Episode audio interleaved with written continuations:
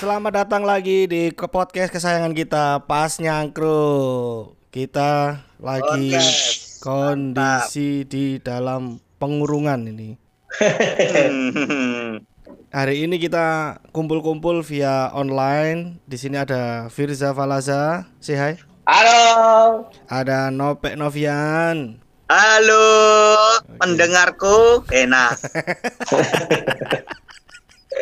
Ini buat buat pendengar siapa tahu terganggu sama audionya nggak seperti biasanya minta maaf dulu karena ini kita eh, pakai aplikasi voice call jadi suaranya agak nggak enak ya tapi yang penting kan kita, Ah. yang penting kan cuap-cuapnya ya Mm-mm. kualitas nomor terakhir lah Yang penting konsistensi enak. yang penting konsistensi Benar, oke Nope. untuk hari ini kita mau bahas sesuatu hal yang sebenarnya udah rame di kapan lalu cuma kita mau bahas di episode yang kali ini pembahasannya adalah beberapa hal di luar sana banyak yang berkomentar tentang perilaku publik yang mengumpulkan barang atau mengumpulkan bahan-bahan baku, bahan makanan, bahan medis terlalu berlebihan. Nah, di di luar sana kan netizen ini berkomentarnya untuk stop ngelakuin ngelakuin itu Penimbun. menimbun nah ah, ah, benar nah kita kita sadari dulu kalau menimbun sendiri itu kan ada beberapa kriteria mungkin kalau mungkin yang yang menjurus ke kriminal adalah menimbun yang sing porsi ini sak gudang-gudang ngono iku lho. Mm-mm. Nah, nek kene kan gak mungkin ta. Gudangnya sapa apa tiga nimbun. Nah, iya. Nah, cuma kan yang diramekan itu nggak tahu yang secara spesifik yang penimbun yang dalam kondisi yang yang kon- yang kondisi punya gudang atau seluruhnya bahkan publik yang beli semisalnya ambil kata mie goreng misalnya ngono. Mie goreng mek limang kerdus apakah dinyatakan nimbun atau piye itu nah kalau dari Firza dulu menurutmu ya apa? Komentar-komentar netizen yang nggak nge- yang meramaikan masalah nggak setuju tentang stockpiling dari apa pun ya barang-barang dari medis barang dari makanan barang dari apa gitu. Tapi secara konteks kita perjelas dulu, memang pandemik ini emang benar-benar bikin yes yes yes. Indonesia kacau sih. Dan memang apa ya, secara stok seperti masker, Indomie bahkan dan lain-lain Iya, juga iya. nggak bakal siap kalau Hmm. kena Mm-mm. event Allah yang kayak gini nih, event gedenya Gusti Allah nih. event gitu Iya kan? EO. Iya, iya. EO-nya Israel. EO-nya Israel. Banyak nyabut. Banyak kerja dia lembur. LO Israel lembur. Allah ya Israel Iya bro, nggak bakal siap. Cuman kalau aku sih lebih ke stop lah, jangan menimbun banyak-banyak seperti itu kayak masker jadi langka. Hmm, Terus uh, UC 1000 bahkan yang botol kaca itu kan favorit saya. Nggak ada juga, udah sering kosong sekarang. Hmm. Hand sanitizer harganya gila. Baju saya main sanitizer lebih mahal hand sanitizer. benar benar benar benar Kemarin saya beli bensin, saya bayar pakai hand sanitizer, seneng bener orangnya.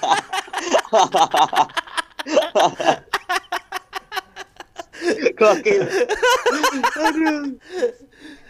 tapi tapi Fir tapi Fir di satu sisi itu kan kita kondisi yang memang di mana kita ini dalam kondisi yang agak diharuskan untuk punya stok kan seumpama seumpama ini kan kita memang belum benar-benar 100% lockdown ya tapi kalau memang benar-benar terjadi yang di seperti di teman-teman kita di Wuhan yang benar-benar 100% lockdown dan semua toko ikut itu tutup itu kan buat kita yang punya keluarga di rumah ini kan jadi kewajiban untuk stockpiling Hmm. apa pun itu semisalnya gini kita ambil eh, kayak kita ini kan kondisi yang lumayan beruntung ya maksudnya kita nggak ada kewajiban yang mengharuskan kita untuk bekerja sehari-hari di luar rumah misalnya gitu. Nah cuma untuk teman-teman kita yang lain ini kan yang punya kewajiban misalnya teman-teman dari Gojek terus habis itu dari teman-teman Ah. dari eh, ke- kepolisian dan segala macam yang mereka juga punya kebutuhan pribadi untuk jaga orang rumahnya nggak sampai ketularan. Misalnya masker misalnya gitu. Misalnya pak polisi punya punya kebutuhan untuk untuk pakai masker waktu kerja. D- eh, mungkin stok dari dari kantor sendiri pun dari dari kepolisian sendiri pun untuk satu satu persatu orang kan sedikit. Dan dia harus jagain sendiri kan akhirnya untuk eh, untuk supaya dia sehari-hari tetap harus pakai masker. Sedangkan masker yang yang dipakai itu kan bukan masker yang bisa dipakai berulang kan. Yang Hmm. diberikan ke pak polisi pak polisi itu kan bukan masker yang memang kan eh, masker-masker yang sekali pakai kan. Ya, sekali pakai. Bahkan itu nggak sampai seharian pun harus sudah dibuang sebenarnya, sebenarnya. Hmm. Nah, itu kan juga repot kalau misalnya memang kita kondisi bener-bener lockdown, terus habis itu kita nggak punya stok gitu. Nah, yang yang jadi kendala itu Masku, Mm-mm. menurutku kalau konteksnya gitu nggak masalah sih berarti ya karena kebutuhan kan. Mm-mm. Tapi untuk saat ini apakah masih perlu dengan anjuran pemerintah yang hanya social distancing, kan? Nah, terlebih banyak sekali seperti hand sanitizer, masker dan lain-lain itu yang lagi jarang banget di pasaran, Hmm. giliran ada harganya di up. Di up ya. Nah, Ya. yang up ini adalah mereka yang punya banyak stok. Nah, itu yang jadi menurutku ya jadi nggak nggak ya anjing lah Mm-mm. dan Mm-mm. cuan lah. Sobat miskin menjerit. Oh iya ya. Iya kalau Nope, kalau Nope gimana? Kalau Nope gimana? Menanggapi Kalau komentar-komentar itu. kalau aku ngelihat orang yang nimbun-nimbun itu ini Mas, memanfaatkan momen. Mm-mm. Nah, ini dalam hadis nggak boleh ini. Wah, ini, ini gimana gimana? Bunyinya, seru. bunyinya. seru. Ada sih kalau Boleh. Tidak boleh menimbun terus dijual dengan harga berkelipat-kelipat. Oh, betul, betul, betul. Mm, benar-benar. Nanti mereka nanti kalau masuk neraka, Mas, Mm-mm. digoyang hand sanitizer.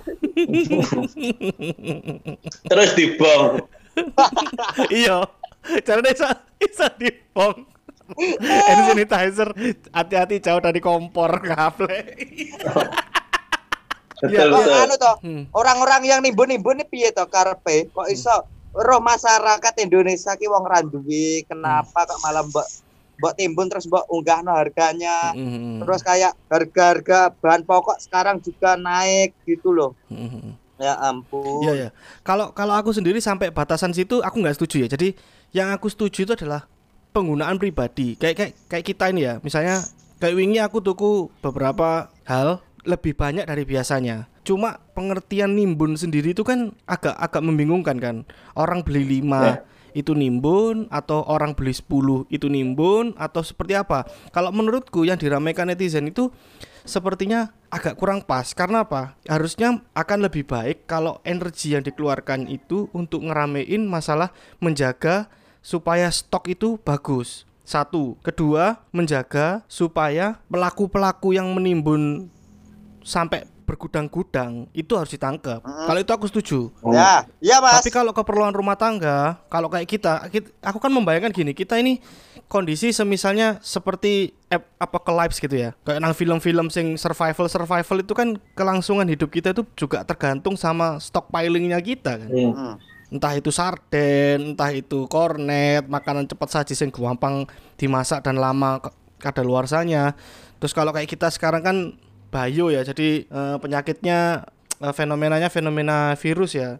Hmm. peralatan medis itu kan kita juga butuh. Gimana kalau menurutmu sampai situ gimana? Ya kalau pe- apa penggunaan pribadi sih nggak masalah, cuman eh, nggak tahu siapa yang harus disalahkan ya, karena kita sendiri semua saling menjaga. Dan sedangkan stok pasarnya juga nggak mencukupi untuk kita semua dengan strategi seperti itu. Alangkah baiknya, apalagi kita kan khususnya di Surabaya, nggak usah terlalu untuk Mhm. membeli sesuatu dengan eh, jumlah yang lebih besar. Karena di Surabaya sendiri juga sudah ada kan bilik sterilisasi terus dan segala Ya. macam. Mm-mm. Jadi untuk seorang kepala rumah tangga yang mencari stok makanan keluar tapi nggak usah terlalu banyak itu masih aman menurutku ya untuk untuk step ini ya. Jadi kayak Penggunaan rumah tangga ya. Iya, kayak penggunaan rumah tangga Hmm. boleh sini pun cuman dengan jumlah yang sedikit karena Iya, iya. Nggak ada yang siap dengan hal seperti ini. Corona cepet banget. Ya, ya, ya. Dan mungkin catatannya selain jangan terlalu jumlahnya memang nggak sampai bergudang-gudang juga dilarang untuk menjual kembalinya itu. Ya, Nah, itu ya. loh, Mas. Itu brengsek banget orang yang jual kembali. Aku di broadcast temanku ini hand sanitizer 400 ribu. Padahal dulu dia ngomong ini nggak suka orang yang jual mahal. Sekarang dia jadi penjual. Menjanjikan mungkin, Pak. Nah, Daripada tak- siaran weekend. Ya.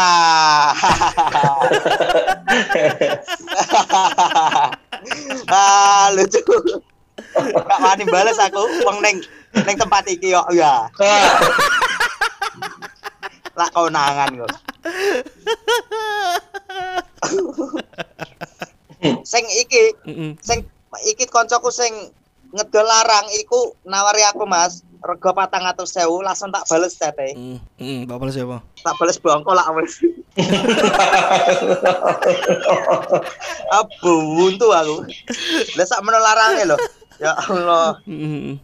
Terus lagi ini kan kayak kayak ada juga yang kemarin juga rame masalah perlengkapan medis. Dokter-dokter sampai apa kelangkaan perlengkapan medis itu kan.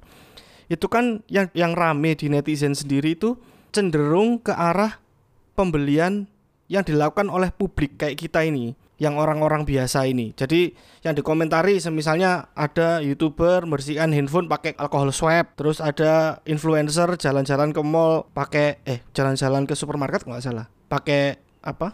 APD sarung tangan medis. Oh, enggak. Oh, enggak ya enggak kayak APD bisa. ada ada beritanya itu yang ke mall pakai Oh, APD itu ada diusir? Mas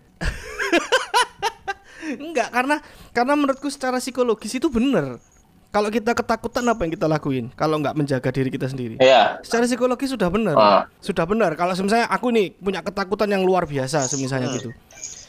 Atau misalnya gini, aku takut aku kalau keluar rumah karena ini mendung, aku bawa jas hujan atau payung misalnya gitu kan. Ah, Ya. Kan lihat juga ketakutannya. Kalau on orang sing takutnya lebih luar biasa, mungkin dia masuk kantor pun pakai jas hujan. Mm-mm. Kau tahu ngerti nggak ada melaku-melaku misalnya pas apa kondisi wis padang tapi wong sik jas hujanan. Ya. Nggak mungkin kan paranoid kan. Hmm. tapi bahaya Mas kalau terlalu takut Mas soalnya ini aku tadi lihat ada kayak orang beli duku Mas Mm-mm. karena saking parnonya nggak nggak nggak mau kena tangannya Iya, iya, iya, penjual iya. uangnya dilempar Mas Oh iya iya iya iya iya. iya. Dilemparnya ke penjual durian ya. Dia beli duku, udah diambil dukunya, uangnya dilempar ke penjual durian. Makanya Iya. marah. Ta- tapi menurutku itu itu nggak nggak melawan kondisi yang ada karena memang kita dalam kondisi ketakutan.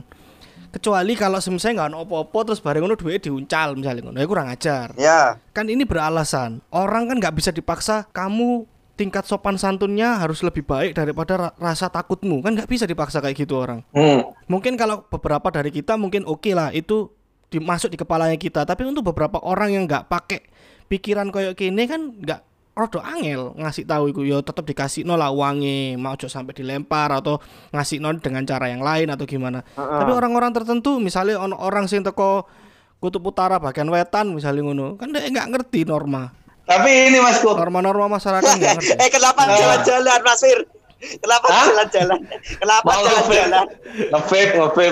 Ada anak di situ. Ngevape, ngevape. Eh, tapi ini enggak? videonya gak enak videonya videonya gak enak loh aja ngatek ning lawang ngatek ning lawang. Videonya direcord, enggak kan?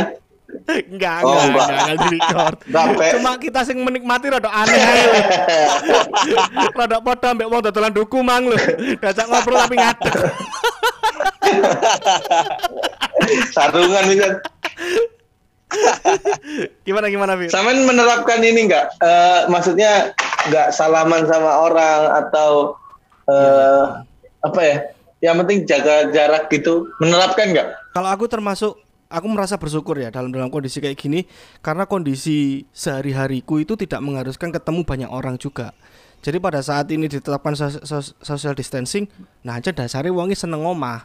Jadi gak ketemu banyak uang. Hmm, Masa sampean urip nang sapi teng, Mas? Tapi emang nggak ada orang, hampir nggak ada orang. Enggak, maksudnya interaksi sama Nggak orang luar orang. kayak apa ya? Petugas AC atau apa gitu.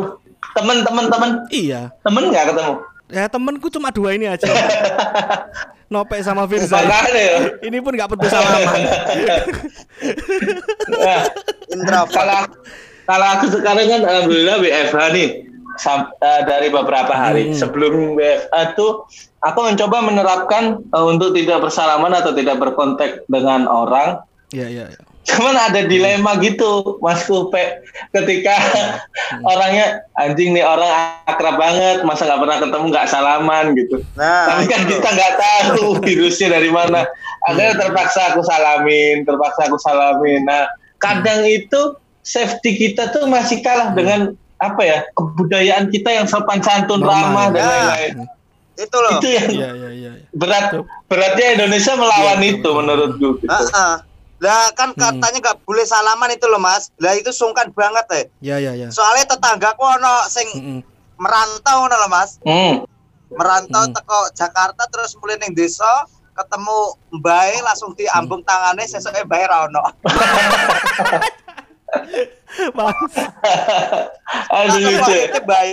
Lucu. ya.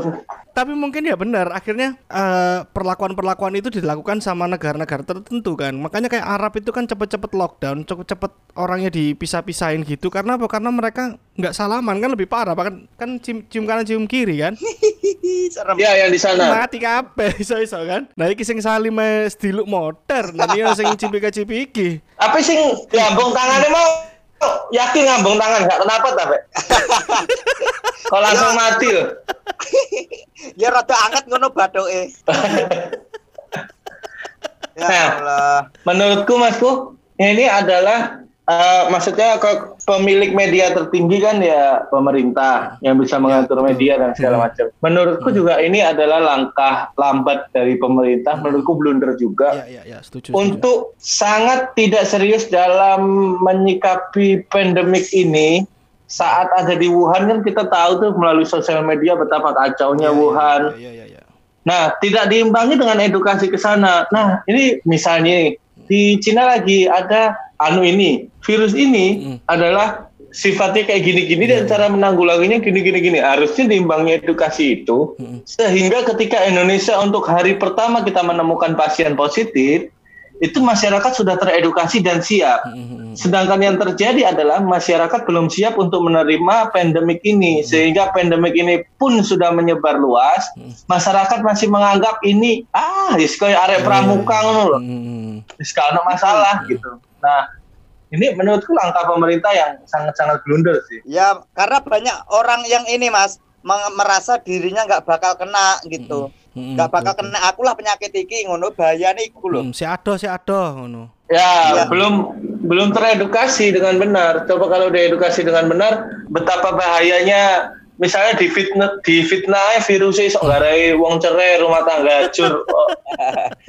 Orang kan tapi emang iya kan? Tapi takut, emang iya. takut gitu. Perceraian perceraian di Cina kan naik tuh Iya. setelah pasien zero keluar. Masalahnya saiki Wuhan buka pasar sing mangan hewan-hewan neh mas. Ya ya ya betul betul itu dibuka lagi benar benar benar benar. Bajingan wih. Dibuka lagi. Wes Tapi di- neh. Enggak, soalnya belum tentu dari situ, Pak. Soalnya mereka sampai detik ini pun pasien terakhir sudah sembuh dan tidak ada deteksi positif lagi. Jadi masih benar-benar bersih di sana. Ya ancen dasarnya apa sih? Ya, benar. Apa sih dunyo? Apa sih? Apa sih dunyo?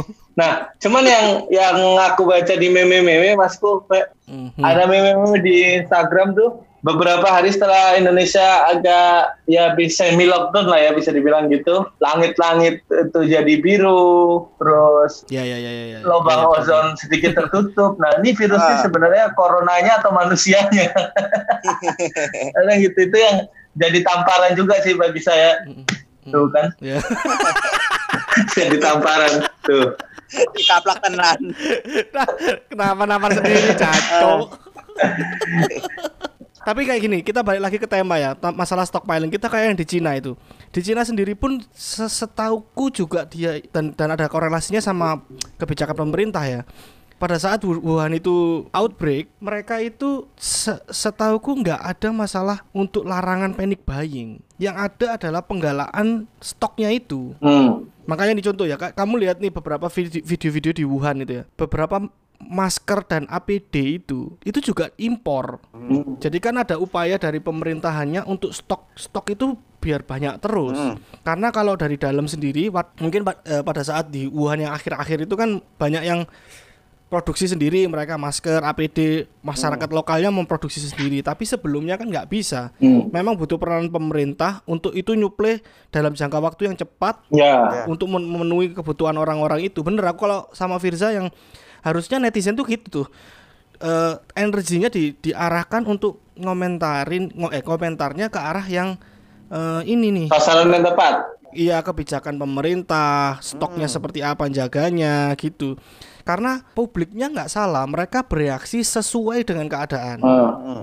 mereka ambil kata gini mereka itu sudah makan di saat yang lapar sudah bener Hmm. kita panik di saat yang udah bener-bener harusnya memang panik Hmm. udah nggak salah karena memang ada barangnya barang yang membuat kita panik itu ada nah sekarang kan tinggal peran pemerintah supaya teman-teman dari dunia medis itu terjaga stoknya terus habis itu APD ya kemarin sempat sempat ribut masalah APD. Nah sekarang ini kan sudah teman-teman eh, yang yang juga punya per- keprihat- apa keperhatian lebih ke dunia medis kan membuat masker, membuat APD, bantu kan. Ya. Mm-mm, bener kalau kalau aku ngomong eh, apa namanya kalau menanggapi Firza tadi bener karena memang pemerintahnya telat karena itu pasti muncul nanti dari publik yang memperhatikan atau yang care sama dunia ter- medis tersebut pasti akan muncul pergerakan movementnya pasti akan muncul tapi sebelum movement itu keluar itu butuh pemer- peranan pemerintah memang yang yang tanggap gitu Orang menteri kesehatannya juga kayak apa? Jadi lihat lah. Menteri kesehatannya kayak tukang galon, nggak ada respon sama sekali. Yang penting main Mobile Legend aja gitu kan tukang galon. Oh kemarin statementnya ngawur itu. Apa? Mm, ju- juru bicaranya mungkin juru bicaranya Jubirnya mungkin, Pak. apa Kenapa? Yang dia ngomong ini orang kaya bantu yang miskin, yang miskin Mm-mm. bantu yang kaya jangan nulari penyakit ngono. Iya iya iya. iya. Memang agak ngeri kadang-kadang komentar-komentarnya. Tapi jadi gini, komentarnya itu sebenarnya pas, tapi bukan untuk menteri sebenarnya. Hmm. Kalau kita yang ngomong jadi benar. Ya, Mm-mm, tapi kalau sekelas menteri kok rasanya nggak pas gitu ngomong kayak gitu itu. Ya ya ya. blunder itu. Seakan-akan wong miskin nulari penyakit tuh. Mas yo bener tapi aja ngono. Iya iya iya. Iya iya benar-benar setuju. Setuju. Sedikit cerita ya. Kemarin itu aku sempat diskusi dan dan karena kan aku kemarin sempat pasang di storyku kan. Hmm. Story Instagram kan. Ya. eh, melihat masalah stockpiling kenapa orang kok dilarang stockpiling kita ini dalam kondisi yang enggak against nature kita itu kita tuh beli karena memang kita butuh ini bener-bener butuh kita nggak cari untung dipergunakannya dipergunakan sendiri dan dipergunakannya karena karena ada musibah ini kan kita nggak menggunakan misalnya masker itu di- ditaruh di selakangan misalnya gitu kalau memang kayak gitu memang boleh pantas untuk di untuk diprotes karena memang tidak untuk Tidak pada tempatnya. Nah, eh, benar, tidak secara benar. Nah, ini kan kita enggak. Terus habis itu seakan-akan sekian opini itu kan mengarahkan kalau kalau kita beli lebih lebih itu jadi salah kitanya. Hmm. Ya. Jadi ada beberapa teman-teman medis ya kita turut berduka juga dan juga terima kasih teman-teman medis yang sudah meninggalkan kita lebih dulu ya kan karena ada korban ya dari pihak kedokteran juga ya. Hmm. Kalau aku pribadi ya, yes respect aku sama orang itu. Cuma aku sih aku menjamin ya orang-orang yang yang teman-teman dokter itu yang benar-benar apa namanya involve ya, tangannya benar-benar kotor untuk membersihkan apa untuk membantu beresin COVID-19 ini. Mereka nggak ngeributin kok masalah-masalah kayak gitu sebenarnya. Ya. Mereka bahkan berjuang dengan seadanya aja, dengan resiko yang ada sebenarnya. Memang salah kondisinya. Apakah ideal? Enggak ideal memang, tapi apakah publik yang beli banyak itu tadi salah? Itu yang jadi pertanyaan. Hmm. Kalau menurutku yang mencari keuntungan itu yang salah. Satu, Men- terus habis itu yang stockpiling eh, bergudang-gudang itu yang salah. Terus orang-orang yang membeli tidak digunakan pada apa sesuai cara penggunaannya itu yang salah. Semisalnya kayak tadi itu misalnya masker ditaruh di selakangan itu kan nggak benar, Itu pasti salah karena kondisi kayak gini harusnya masker ya hanya untuk itu tidak untuk main-main. Ya. Nah kemarin akhirnya uh, aku agak diskusi dan pada akhirnya orang yang aku ajak diskusi ini kan ya uh, dari dunia medis juga. Cuma dia tidak ikut menangani kasus COVID-19. Hmm. Tidak ikut rame di dalam kasus itu. Nah aku merasa gini loh kan bener kan. Yang ribut kan bukan orang-orang yang bener-bener involved di COVID-19. Hmm. Cari panggung nggak ya? Iya, ya nggak cari panggung ya. Kok kayaknya kok kasar ngono ngomong cari panggung. nah, akhirnya juga waktu ngobrol eh, ada yang sependapat dengan aku ya masalah itu tadi karena memang sebenarnya kalau udah skalanya nasional kamu nggak iso tunjuk satu orang itu memang ono peran pemerintah sing harus harus ngeluarin kebijakan. Hmm. Ya iso kita cuma ngasih tahu eh bapak-bapak ibu-ibu kalau beli Indomie di Superindo jangan banyak-banyak satu dos saja pembatasan dan segala macam. Ya ngaco ya tambah tadi chaos kan nek koyo ngono. Iya sih, benar. Nah kalau dari aku Mas Kuku kan tadi udah ngasih ini statement akhir kan yang tadi. Mm. Kalau aku sih eh, lebih berharap pada pemerintah untuk ya me- men- mengatur ritme transisi dari eh, wabah ini dari netral ke darurat itu dijaga aja transisinya, diperbanyak stoknya kalau perlu Iya, iya, impor dan iya. segala macam. Ya, setuju, Karena setuju, untuk sekarang itu yang penting dan benar juga naluri kita sebagai manusia ketika ada hal yang darurat, kita akan secara naluri Hmm. untuk menciptakan ruang pertahanan untuk diri sendiri. Ya, Nah, ya, ya, ya, itu ya, yang pasti. jadi problem. Ya, betul betul. Ya untuk penimbun-penimbun untuk makanan nggak apa-apa kamu nimbun tapi secukupnya karena kasihan Hmm. kalau orang lain nggak dapat Ya, ya, ya, ya, ya. itu. Kalau kamu nimbunnya kebanyakan nanti barangnya langka, harganya naik, Bro. Orang miskin Mm, kayak mm, mm. aku menjerit, Bro. Ya, ya, Tolong penimbun-penimbun. Justru itu kan kayaknya yang jadi problem itu malah orang yang karena mereka ada etiket bisnis untuk cari keuntungan itu loh. Akhirnya mereka belinya luar biasa banyak yang nggak sesuai kebutuhan mereka kan. Kecuali kalau beli banyak dibagi-bagikan nggak masalah. Oh ya, setuju, Ya. setuju. Kalau Nope suka kayak gitu ya. Suka tangan di bawah saya soalnya. Tangan di bawah. ya udah, mungkin eh, episode kali ini kita tutup di sini dulu. Ya siap. Kita ketemu di episode selanjutnya bareng saya Kuku Ramadi saya Nopek Novian. Saya Firza Balaza. di podcast Pas Nyangkru. Ya, Dadah. ya.